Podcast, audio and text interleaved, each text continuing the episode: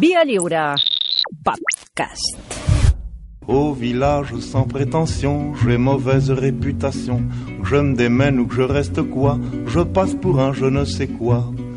Je ne fais pourtant de tort à personne. Uh, què tal, Santi Bon dia. perdoneu, Ara, Aixeca això, eh? Aixeca Ara, això, eh? Malcom Otero. Bueno, escolta, perdoneu. Trampes. Uh, una, T'he de dir una cosa. Avui he pensat, els hi diràs, perquè no s'hauran enterat. No has vist la portada del Mirror? No. No l'has mirat, Va. com fas sempre, no? No, que avui, avui, avui, avui, avui no, avui només al, al, al Guardian. Saps tota la... I I el Pijoso. Le Monde Diplomatique. I el Le Monde Diplomatique i el Granma. que són els que... Després ja miro I la Vanguardia. Ximpunt. I Eh, després ja miro el Mundo Deportivo. El... el... La portada... Hi ha una cervesa, Bueno, bé. Boris Johnson, perquè han trobat una fotografia de Boris Johnson amb les festes aquestes de Downing Street. Saps quina és la cervesa que tenia Boris Johnson a la mà? Estrella d'Am. No. Mm, Bé, bueno. Bé, mi- millor- és- Boris Johnson. És, Estem a favor. és millorable. Avui a la portada del Mirror hi ha una llauna d'Estrella d'Am Ja. i citen estrella, estrella, estrella per tot arreu eh, i tota la premsa britànica parlant d'estrella. Si fos un home, la veritat, veuria molt d'am. sí, Bueno. L'estrella d'am, sí, jo estimo molt aquí. Evidentment no tinc res en contra, però... Però li a- recomanaries molt d'Am. Abans bec l'aigua de em queda Va, de va, fregar. va, per favor. Vinga, va. Avui què? Avui, mira, avui farem callar... O no, no perquè és impossible callar García Grunyón, Sí, home, Antonio García Grunyón. que és... Eh, perquè sempre diu, eh, Tito... Fareu Hitler! Fareu Fareu Hitler! Eh, imbècils, idiotes, hòsties putes. Bueno, sense... A veure, Imitació. bueno, ell no té Ha estat una Impecable. bona imitació, Sí, eh? bueno, més o menys és com és ell, sí, sí. A veure, avui no deixarem espai pel dubte. Avui parlarem d'un pàjaro, atenció, Sí. sí. això de pàjaro, Corp Pàjaro, que va ser un dels creadors de diversos gèneres literaris i de, segurament és el producte estadounidenc més, més, més bo del, de, o més comercial a la història de la literatura. Ell crea el gènere policial, sense ell no existirien ni Sherlock Holmes, ni Hercule Poirot, ni Colombo, ni Petra Delgado, ni Bevilacqua, ni Jessica Fletcher, la tia aquesta que no, no pot arribar... Tu la convides a un aniversari familiar i algú la palma segur. És com si contractessis un davanter al Barça. Passa la revisió mèdica i ja comença a lesionar-se. No només això. Però la eh? revisió molt bé, eh? La revisió molt bé. Després ja- Però dius, apareix Jessica Fletcher allà a l'Hospital de Barcelona i diu... Mm, voleu dir que l'Ansu Fati està bé? No crec que estigui bé. Bueno, Hòstia, hòstia. també és un creador del gènere de terror, perquè ell es deia Por Oh, i volia fer por. Aquest és l'acudit del dia? Aquest, no, hi ha més. Vale, vale. I no seran millors. Pitjors, no? eh, sense ell no hagués existit, existit Lovecraft ni Maupassant. Un geni que va canviar la literatura, ni fins i tot Stephen King. Gràcies, Sí, sí. Pou. un geni que va canviar la literatura mundial, però que era un buscarraons, que bevia més que Gascoigne en una boda, Oh, i que li donava Gascoigne. el Lauden a l'opi, que li agradava la carn poc feta, a qui acomiadaven de tots els diaris, que feia servir les crítiques per a les seves venjances personals i que destruïa tot allò que tocava. Pels de l'ESO, per la gent aquesta que els agrada ara, ah, Super Bowl i no sé què, tant. La Super... La què? La Super Bowl. La Super Bowl, sí. Sí. Què li A passa? l'equip a l'equip de la NFL, Sí. de Baltimore, Sí. com es diu? Que ara no ho sé, jo. tens ni idea. No, sé. No segueixo l'NFL, jo, soc, jo només, només, només segueixo els Que no, festivals, no, jo no sé com- festivals de cinema Si iraní. no l'en- si no l'entenc, jo, el futbol americà. Baltimore Ravens. Els Ravens. Ah, molt bé. Sí. I la mascota es diu Sí. sí. Pou, Oh! perquè el nostre home Ah. va morir a Baltimore Ah, que bo. i ells van fer un concurs entre les mascotes i van fer triar tres corps. Mm, un es deia Edgar, l'altre Alan i l'altre Pou. I va guanyar Pou. Pou és el... La, o sigui, un, un tio que era, anava per gran literat ha acabat com a mascota de la NFL. Molt bé. Era un home més fosc i estrany que els seus contes. Avui li traurem el bigoti. Perquè com anava amb bigoti. Sí, au, sí, com la provítola. S'ha Avui, s'ha de dir que el bigoti... La provítola? un bigo- bigoti ridícul. Ah, sí? S'ha de dir que el bigoti només el portava a l'últim any, els últims dos anys de la seva vida, Ah. però la, es va fer una, una foto i ja ha quedat Ha aquesta quedat... imatge. No l'havia portat abans? No, no portava Doncs quin bigoti. engany, també. Com el de la calle de la lloreria, saps? Sí, sí, sí. Aquell. Jo vaig quedar impactat amb Raiden, que el coneixia de Batalla de Gallos, Jo... I, i no? No, ja no l'havíeu vist rapejant allà? A mi Raiden em sonava I a un producte de ferreteria. No, no, no. no. De... Para sus paredes, Raiden. Raiden. Aquello. Engancha todo, Raiden. Bueno, uh, avui li traurem el bigoti Raiden a Edgar Poe, més conegut com Edgar Allan Poe. Fot-li, Poe!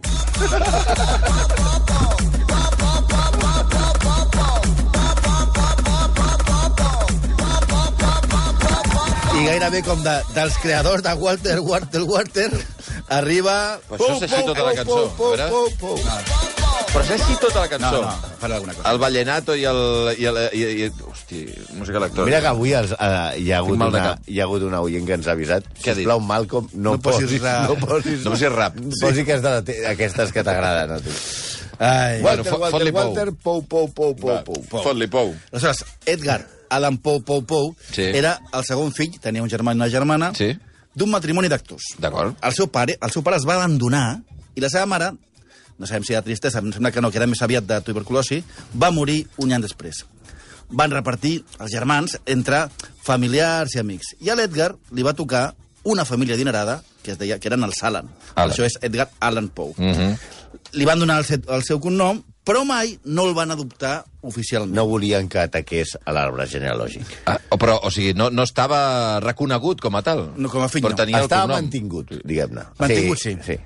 Eh, una relació complicada. Van viure una temporada a Anglaterra i el senyor Allen va heretar El de- l'equivalent... Senyor Allen? El, el, El pare. El, ah, vale. El senyor Allen Senior Sí, sí. va... No ell, no Edgar Allan Poe, no, el sinó que el quan pare. obria la porta de casa Sí. deien la clau Allen. La clau! Allen. I d'aquí... I d'aquí ja va venir, i d'aquí ja va venir Perquè era un tot. tio bastant quadrat, a més a més. Això serà així tota l'estona, eh? Vale, vale. És boníssim, aquest. No m'ha no desagradat, he de reconèixer que no m'ha desagradat. la clau Allen, i després tothom va dir, la clau Allen ho veurà tot. La clau Allen? Va, per I el senyor, la Clau Allen, No obre res, la clau Allen, a més a més. No, i et deixes... El... De fet- ja, et deixes- ja, et de donar voltes molt ja, rares. ja, no, no, no, és un invent del diable. Sí, per, per Ikea només. Bueno. I el, el senyor Allen va heretar l'equivalent a 17 milions de dòlars. No està mal. Bueno, és a dir, és a dir, no dona per, per comprar Bre- Breathway, eh? No? No, No, dona, no perquè eren arribes, 18. eh? No, No. arribes. Ni per pagar, ni, ni per pagar Aubameyang l'any que ve, però bueno, Va. no està gens malament. La relació amb el, amb el senyor uh, Allen Clau mai no va ser bona. El pare va escriure una carta en què deia que l'Edgar no havia mostrat, eh, no tenia cap mostra d'afecte i encara menys d'agraïment cap a ell mm. i cap a la seva família. Ell volia que Edgar, era un senyor molt potentat, portés el seu negoci o que, si més no, fos advocat. I el va enviar a la Universitat de Virgínia, eh, famosa per les galetes. Allà, pou, pou, pou, pou, pou, va començar a emborratxar-se, Uh -huh. a fumar opi i a endeutar-se. Hosti, bé. No va anar a l'Autònoma, no. Era a Virgínia. perquè no... Per anar a estudiar, eh? Sí. Nen, I es va... a estudiar! I el tio, pues venga, el làudano, Vinga. eh, l'opi, les birres, les cartes. Ell, el pare li va i, i perquè li va dir, no puc pagar la matrícula, i el pare li envia diners. I què va passar? No se podia saber. Els deutes van aguantar encara més. Vaja. Entre que va recollir els diners i va passar pel bar, doncs ja no li va quedar res. Els deutes van augmentar molt més. I va deixar la universitat. O la universitat el va deixar amb ell, més aviat. Si no va arribar a entrar a la Universitat de Virgínia. Bueno, va estar ja fent, fent... Només no a les festes. Ja. Però va... Sí, saps allò de... Si a la, aquella de fa dos anys, a l'Autònoma, amb el cotxe aquell a la piscina, el, els contenidors a la piscina, Oi, oi, oi. El Pou. No fa dos anys, fa res, això, sí. menys d'un any, ja ho sé. Doncs Bueno. imagina't. Aquell era Edgar Allan parlant de festa de sí, li deien, fot-li Pou! I ell tirava. I avall. I, fot I al bar i va, fot-li Pou. Però total que fan fora. De... Bueno, no Sí. pot entrar a la universitat. I llavors? Mira, un company el recorda a la universitat i diu, ah. dient que, obro cita, la seva passió per la beguda era tan poderosa i peculiar com la que tenia per les cartes. Es fotia un got sencer, no diu de què, però imaginem que no deu ser de cacaulat, d'una tirada i sense respirar. Ah, el que passa és que ell era més de complexió bastant nyicris. Era un peso làstima, eh? Un peso làstima. Peso làstima, m'agrada molt. I segurament amb certa mala salut. A més de, de beure molt, suportava molt malament l'alcohol. Una joia de noi. Amb un copasso es podia córrer una, una farra de tres dies. Sí, aquí, aquí hi ha una cosa que és el que menys m'emprenya de tot això, que és si no saps veure, no beguis. Per què te metes? Sí, deixa-ho deixa als Però professionals. estàs dient... Ah, vale. Deixa-ho als Que professionals. estàs dient de veritat, sí, això. Sí. No, no, no, en sèrio. Els tios que veuen i es posen tontos, pesats... Eh... Era aquest? Aquest, a més a més, aquest s'entajava molt perquè no li sentava bé l'alcohol. Si no et senta bé, no, No beguis, beguis. ja Sí, sí. No com a nosaltres, que si no bevem és el que ens senta malament. bueno, eh, Popo Popo va marxar a Boston Sí. i va començar a treballar en un diari amb el pseudònim de Henry Leguené. Però els diners bueno, es pagava molt poc, no li arribaven, i es va llistar a l'exèrcit com a soldat ras. Ja hem dit que era baixet. Ui, ui. va mentir a la seva edat, que va dir que en tenia 22, Sí. i va mentir en el seu nom. Va dir que deia Edgar Perry. Vaja, vull dir que res del que deia aquest senyor era, era, era cert. Popo Popo, eh, de fet, jo crec que va ser com l'inventor dels, perfils, dels perfils falsos de Twitter. Oh, que gran. Eh? Perquè ja veurem que té més, més, més, més, més noms falsos i pseudònims. Va pujar a suboficial, que és el màxim que pots fer quan entres de, de soldat ras, I ets baixet. i la, però, la, però la sí, feina... Si ets alt, et posen a oficial. La, la feina era massa dura i mal pagada. Vaja. I aleshores, que per, per sortir de l'exèrcit, què va fer? Va confessar la seva mentida al seu superior. Va dir, no sóc el que deia. Eh, no, jo ni em dic així, ni tinc aquesta edat, tot és mentida, i clar, el codi d'honor no et pot Au, mentir. fora. Havia publicat ja el seu primer poemari, 50 còpies. S'havien venut 50? No, s'havien fet Ah, 50. s'havien fet. Sí, enca- imprès. Sí, imprès Però, 50. a veure, com, ja, com ja, pots ja, guanyar diners sí, amb sí. 50 llibres? I estranyament ningú li va, li va prestar cap atenció. S'ha de dir que s'ha venut una d'aquestes, perquè queden 12. Ara s'han trobat 12, i s'ha venut una fa dos anys per uns eh, 500.000 euros. Buah. Sigui, vull dir que encara... I, eh, per a sobre, el llibre no estava signat amb el seu nom. Ah, no. Signava com a el Bostonià. El Bostonià. El Sí, Bostonià, sí, sí, sí. Molt comercial, la veritat, no era, eh? No, no, és- no és això que sigui eh, massa... La seva mare adoptiva també va morir eh, en aquell temps i va quedar el pare, que ja recordem que no tenia el senyor de la clau, Home, no tenia molt bona relació amb no, ell. li havia donat els diners i els, els Sí. havia gastat. I fins i tot el va ajudar a entrar a l'Acadèmia Militar de West Point, la més prestigiosa d'Amèrica, segurament. No tinc ni idea del rànquing, però, bueno, West Point em sona. Sí, el seu sí, pare es va tornar a casar i això el va a fer enfurir molt a Pop, Pop, Pop, Pop, Pop, que va començar a fer el mateix que a la universitat. O sigui, a West Point va fer el mateix que a la universitat. Mamar i jugar. Ole. Li van fer un consell militar on l'acusaven de negligència greu del deure, desobediència a les ordres i negar-se a assistir a classe. O sigui, a què ha venido usted? Vale. Sigui, un any després d'entrar a l'acadèmia el van fer fora, que segurament és el que ell volia i que va provocar.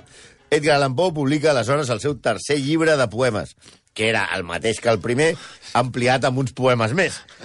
I va aconseguir que els seus companys de West Point de promoció li paguessin l'edició, perquè els va fer creure que eren poemes satírics sobre els comandaments, el que era mentida. La primera edició ja posava segona edició. Oh, boníssim, això.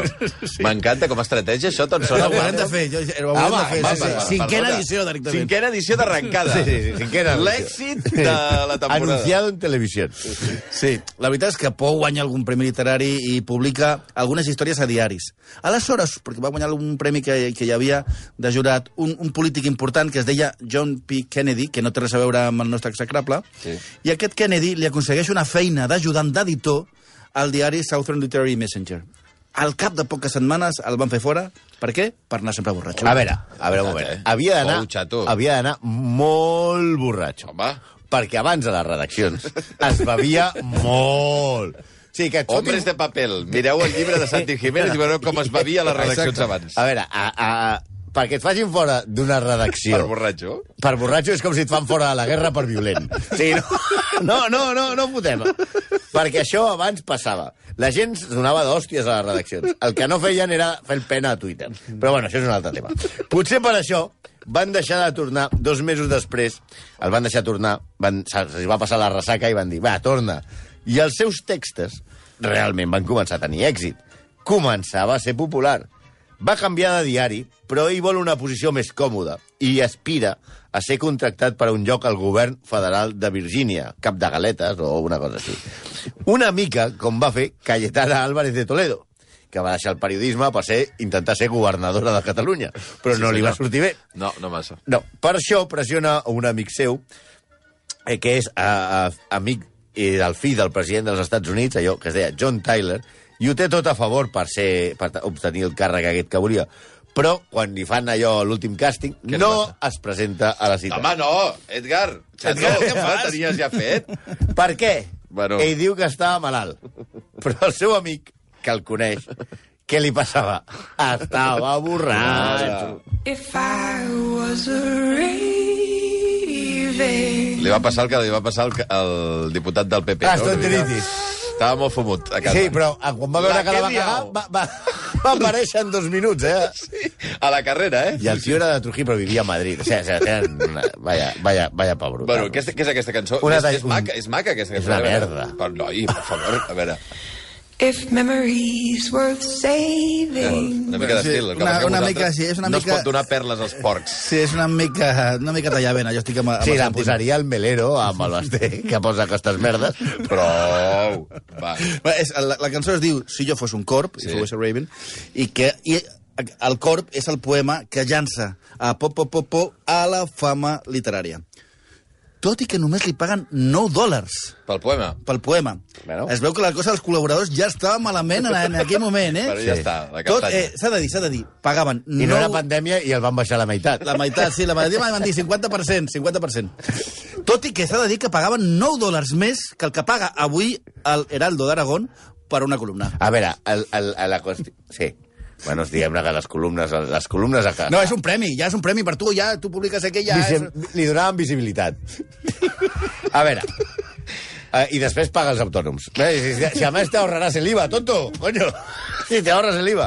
A veure, el que va passar amb el, amb, amb, amb el poema Raven, que evidentment, com tota la nostra audiència sap, que és el més famós del món, i que no només és el que dona nom als Baltimore Ravens, i, i que la mascota es Molt diu important. Pou. Això és molt important. Molt important. Tothom sap allò del Nevermore, Nevermore, Nevermore, que és el poema, no? Ell estava molt orgullós d'aquest poema.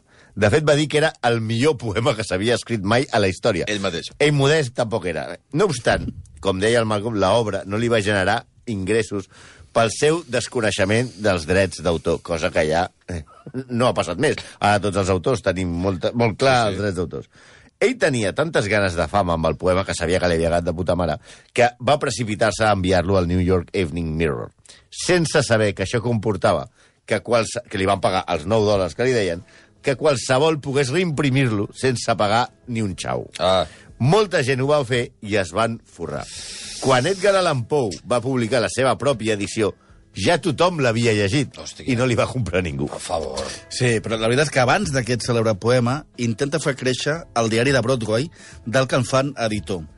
Una de les estratagemes que, que més infames va ser l'anomenada Guerra de Longfellow. Poe, que havia escrit una carta personal a Longfellow, eh, que era un, un, un... Henry Longfellow era un poeta molt, molt famós. Era, era, un, era, un, era el, jo què sé, La la bèstia. Madira d'aquella època. Sí, i va, i va dir, i li va dir, i li va dir... No, era pitjor aquest. Li Home, va dir, era molt bo. Li va dir, Va, la meva, tira. la meva, li, a la carta li diu, la meva admira- admiració que el teu geni m'ha inspirat. I diu també, sens dubte, el millor poeta d'Amèrica. Això és el que li deia a la carta a aquest senyor. Però per guanyar lectors va acusar de plagi a Longfellow i va dir que era un imitador decidit i un Oh. adaptador de les idees d'altres persones.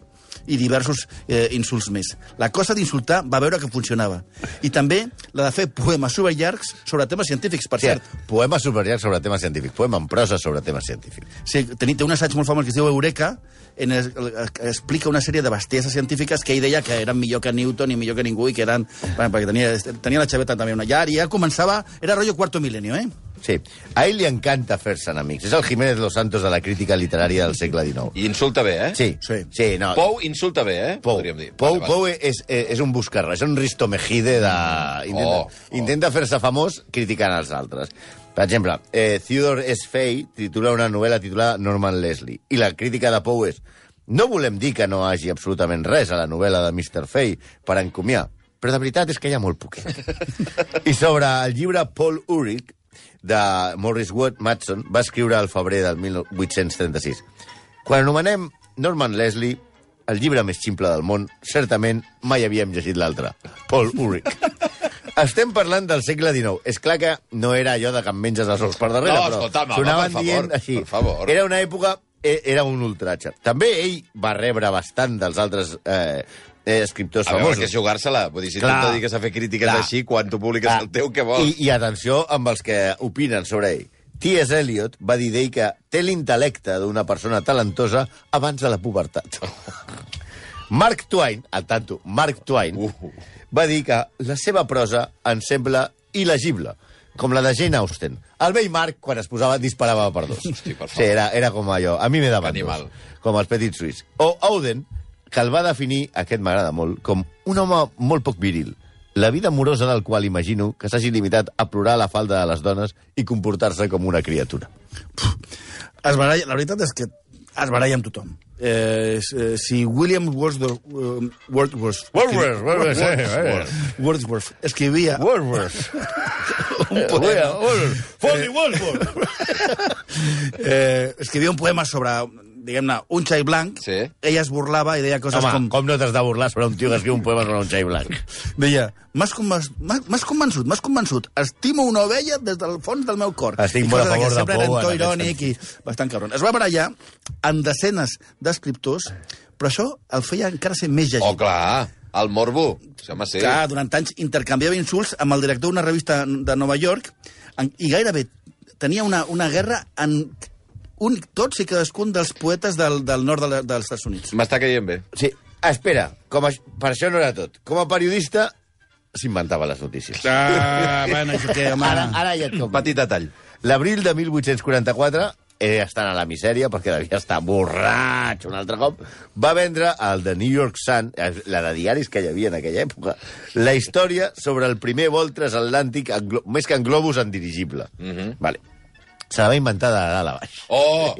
A sí, ja que et poses a inventar alguna cosa, inventa't una altra cosa, però no que el primer dirigible ha creuat l'Atlàntic. L'article explicava amb tot luxe de detalls el, com era el dirigible, el nom del pilot, un tal Mock Mason, que de veritat exist, a sobre existia. A sobre existia el tio. Sí. I la ruta, tots els detalls. Tot mentida. Evidentment, el diari va eh, haver de, de rectificar. Eh, usava els seus llibres de ficció també per ficar-se amb persones reals. Des del 1833 fins al 1836 va intentar, sense èxit, trobar un editor per a la seva col·lecció de contes satírics, Tales of the Folio Club. Al llibre, els membres del club es reuneixen mensualment per criticar textos d'altres que resulten ser caricatures dels estils d'escriptors populars de l'època de Pou. Però això està bé, això. Sí. Això m'agrada. Ah, S'hauria de recuperar, això. També el seu examic, Thomas Dunn, English, a qui Pou va donar una pallissa, això també te Però deu agradar. pallissa física Sí, o- una pallissa física. Sí, sí. A sobre pagava, eh, personal. Inspira un personatge arrogant i desgraciat al famós comte de La bota de Amontillado. Qué buena está la madre de mi amigo José. Ay. La miro y me recuerda aquel momento que també et que- millor. Pues te pregunto por él. Me dice que se ha ido, que no va a volver. Vuela, mi fantasía vuela alto y la ves tumbada en el sofá. Sí, aquesta, aquesta cançó té molt de La sentit. madre de José. Sí, sí, té molt de sentit. Que sabeu que la història és de que... Un... Sí, sí, no, no, ja, ja. Explica-li a l'audiència de què va la cançó. Mira, puja, puja, puja. Oh, ¿estás nervioso? Doncs eh, jo crec que sí, perquè ara anem a parlar... T'està general, volviendo loco, eh? T'està volviendo loco. les- les ja crec que venia de mena, ja venia de mena, eh? Però bueno. Ara, però parlarem de les dones de Popo Popo. Amb 14 anys, Edgar coneix Jane Steve Standard, que és la mare d'un amic seu. La mare del José. I s'enamora. La mare de José. I s'enamora. I eh, diguem-ne que ell l'adopta com a consellera personal, li dedica poemes... A veure, que ella també podia... No, Podia no posar haver- una mica de distància. sea, Sí. la culpa es de ellas que se visten No, como... no, va, perdó, és la mare. Jo tinc 14 anys, no fotis. Se visten como madres. No. Va, tira. No, però l'any següent, Jane Steve mor després d'un període de demència. Sí, no I- tocaves. Aleshores, Pou desapareix un dia de casa seva i el troben que havia estat tota la nit dormint sobre la, la seva tomba al cementiri. Ah, sembla un nom. Home, rar, raretes, eh? Sí, sí. El, potser, direu, això explica aquest to sinistre de molts dels seus relats, eh, però és que al Edgar li feia por la foscor. Sí, en sèrio, el tio que Li escriu... feia els- por la foscor. Tenia por de la foscor. Oh! Què tens, Edgar? Fanta. Por! Potser, potser ho, eh, ho compensava el fet de que la seva primera escola estava al costat d'un cementiri de, que era on el profe de mates li agradava donar classe fent que els nens descobrissin l'edat el- dels morts amb les, edat, en les dates de la làpida. El profe anava a fer Sí, ara calculem, mates. Aquest senyor va morir a pati, 1650. o sigui, L'escola primera on va anar Edgar Allan Poe tocava un cementiri. I el professor de matemàtiques deia, ara farem classes. A veure, Multiplica la data Pepito, de- Pepito, el señor este, que nació... en Michael Winslow, año 1374. ¿Cuántos? Menos a James... Era jo de... Salga al encerado. No, salga la làpida. Però és que, Però és pitjor que hi ha coses pitjors el encara. professor Tenido. d'educació física va decidir que feien per fer, per fer posar-se catxes, el que fa, anirien al cementiri i cavarien tombes, els nens. I clar, dius, ah, el nen va ser raro, i dic, potser l'escola no era la millor, eh? Igual, no sé si tenia... Potser el- l'AMPA no hauria de dir alguna cosa, eh? No sé si Ah, tenia el... venga, a acabar. Parlaven amb els del cementiri i els deien, se ha muerto tal... Los niños hoy, clase de educación física. Que bèsties. Agujero. Que bèsties. Després d'aquesta història amb la madre de José, Sí. S'enamora de Sara Elmira Royster, que viu davant de casa dels Clau Allen. Mhm.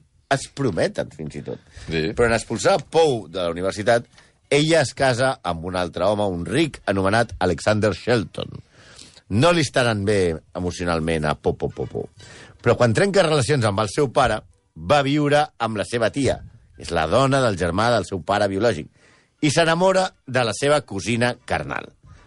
Ell té 26 anys Ai, ai, i ella 13. ja hi som.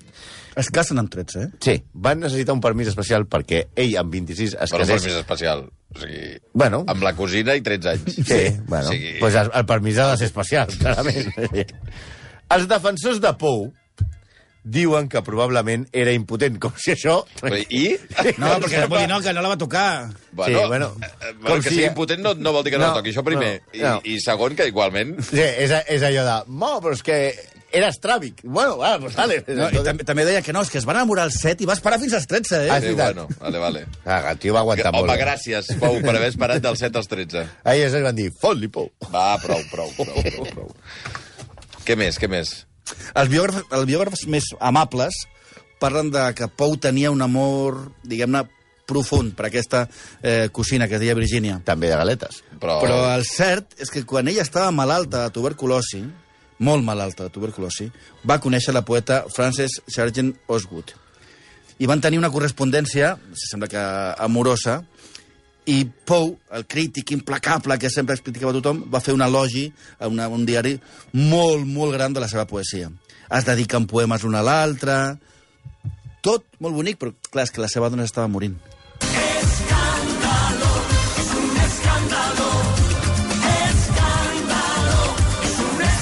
Però la atenció. cosina s'estava morint. La cosina que la Mentre- seva dona... la la seva seva dona. dona. O sigui, casa amb- Mentre estava... Però ell era impotent, eh? No, no va passar res perquè ell era impotent. Entra més gent, gent en aquest... enfadada, eh? Que hi ha molt, molt fan de Pou per aquí i... Entra més gent en aquest circ. Elizabeth Allet, enamorada de Pop, Pop, Pop, Pop, Pop, i molt gelosa, difon rumors sobre la seva relació i convencen a Frances que exigeixi la devolució de les cartes i esclata l'escàndalo. Tothom en parla a Nova York, la seva dona és mort i es suposa que entra en una espiral de què fa ell. Més alcohol, més Lauden, Ara, més opi, ara, ara. i fins i tot intenta el suïcidi amb Lauden, però el seu organisme el va salvar amb vomitar-ho tot, que bàsicament és el que feia tota l'estona. És el típic tio que tu t'emportes de festa i t'ha ficat la trallada a la, a la segona birra. Al taxi. Sí, ja està. I dius, ja te ha jodido toda la noche el pesado este. Que, ves, que beguis mirindes, home. De fet, hi ha, hi ha historiadors eh, especialistes que diuen que el fill d'aquesta senyora amb que mantenia correspondència era Pou. O sigui, potser no era, no era, no era impotent, eh? Vale, vale. O potser li va funcionar un dia. Bueno, quan mor Virginia, la, la, la cosina, Popopó es debat entre tres dones. A veure. La poeta Sarah un moment, Helen això em fa molta gràcia. Es debat ell i elles... No, bueno, elles, elles Ja no ho saben, veuríem. Ja, ja veurem, ja, ja En veurem. tot cas, ell és impotent, eh? Perquè ell Ja, és vale, impotent, pobre i alcohòlic, és un Vale, partidàs. vale. No, no, endavant. I a més a més, a la, a la que es pren un xupito fot la trallada pare. no es pot ni suïcidar. Ja bueno, la poeta Sarah Helen Whitman, Annie Richmond, i la seva exnòvia, que ara és vídua, aquella Ah, que quan va tornar de la universitat ja sabia que ha estat amb una altra, Sí. Sarah Elmira Royster. Li proposa matrimoni a Whitman. I Però el aquesta- número uno, Whitman. Vale. I ella, I ella què li diu, vale, accedeix. Però si es compromet a deixar les drogues i l'alcohol. Home, això sí que no. I diu, vale, ho faré. Si comencem exigint, quina relació tindrem? Però el dia abans, la vigília, el dia abans del, del, del casament, s'assabenta que ell, els dies, les setmanes abans, havia estat diguem-ne, enllitat amb Richmond, que per ser aquest tio impotent, la veritat és que cardava Sí, molt, Sí, i bevent amb amics. Però ell va dir, no em vaig emborratxar, bevia, però no em vaig emborratxar. el dia abans del casament, això. I això que el casament es va cancel·lar. Aleshores, Pou estava molt preocupat i que decideix casar-se amb la seva exnòvia. A veure, és una mica com mm, Jorge Sanz a Belle Époque, la- les tres. I aleshores, quan està a punt de casar-se i sentar el cap i el que sigui, eh, diguem-ne que se'n va de Resacón en Las Vegas, però ell sol. Desapareix uns quants dies, Ai, ai. als 40 anys, i mor en circumstàncies estranyes. La seva mort no està massa aclarida. Uns diuen que es va suïcidar. Altres que, com hi havia eleccions, perquè la gent votés, se li donava alcohol gratis i que el van agafar uns pinxos perquè votés per un candidat i l'anaven emborratxant i l'anaven portant a Això es votar. feia molt en aquella època, sí. Sí, i, i perquè votés diverses vegades. Això ho pilla el diputat de Trujillo, aquest del Sí. PP, No, vaig Anar a emborratxar els votants. Sí, anaven a un poble i emborratxaven a tothom i portaven a tothom a votar. a votar. A, a, a, a, als passavolants, la gent que dormia pel carrer, els, els emborratxaven i els portaven a votar. Eh, per això, I els anaven canviant de roba perquè no els reconeguessin. Per això, mm, ell també és possible que això li provoqués que ell no li sentava massa bé l'alcohol, li va produir un coma etílic i la cosa és que el van trobar delirant en un parc, amb una roba que no semblava seva, i va morir poques hores després a l'hospital sense saber ni on està. Sí, és difícil saber amb exactitud si era tan borratxo, tan drogadicte, tan informal i tan macarra, perquè en guanyar-se tants enemics, la seva mort, tothom es va intentar venjar. Ah, clar, sí, o sigui, no li sí, van clar. fer un No saps allò de que ara que ha mort el deixarem bé? No. El grandiós que- Edgar Allan Poe. Ara que s'ha mort... Els seus amics van fer el que feu vosaltres, bàsicament. Exacte. Exacte. El cas més conegut és un obituari que, va, que es va fer sota pseudònim, un dels seus enemics, en el que parlava del poc que el trobaria ningú a faltar. Hosti, increïble. Eh, aquest mateix senyor, que es deia Rufus Wilmot Wisworth, eh, curiosament es va fer amb els drets de la- de l'hora de, Pou. Ah, sí? Sí, sí. I a l'edició de les seves obres ell va posar la biografia i que la biografia deia que era un borratxo, un drogadicte i un dement. I aquesta imatge, sobtadament aquesta imatge, en lloc de perjudicar a Pou, va alimentar la figura de romàntic i el va fer encara més important. S'ha de dir que Pou té com 4 o 5 museus per Estats Units. Un tio que no va tenir mai una casa ni un duro, té que... Aquesta, aquesta és la casa de Pou, està ple de cases i museus de Pou. M'ha agradat molt aquesta idea de comprar els drets i de, i de cop a la biografia dir que és un imbècil. Clar, Per sí, si sí, sí, no, i, i evidentment ell ha quedat com el gran borratxo, però realment era un pobre home en el qual no aguantava una copa, però que ara, quan juguen els Ravens, surt un tio vestit de corp Home, a, amb ell. com a homenatge, doncs em És sembla... el millor homenatge que pot haver-hi, sí, com, sí, sí. com es diu que es diuen els Ravens, on juguen? Baltimore Ravens, Baltimore. Bosa, mascota Baltimore Ravens. Bueno, Ja, no, perquè els mascotes a sobre moltes vegades són... Saps el, el cuervo de, de José Luis Moreno? Sí, sí. Oh! El que havia Rockefeller? 3 minuts i un quart de 12 del matí. Au, execrables, aneu a, Adéu, adéu, adéu, aneu a adéu. fer de Ravens. Voir pendu, sauf les aveugles, bien entendu. El que dèiem, 3 minuts i un quart.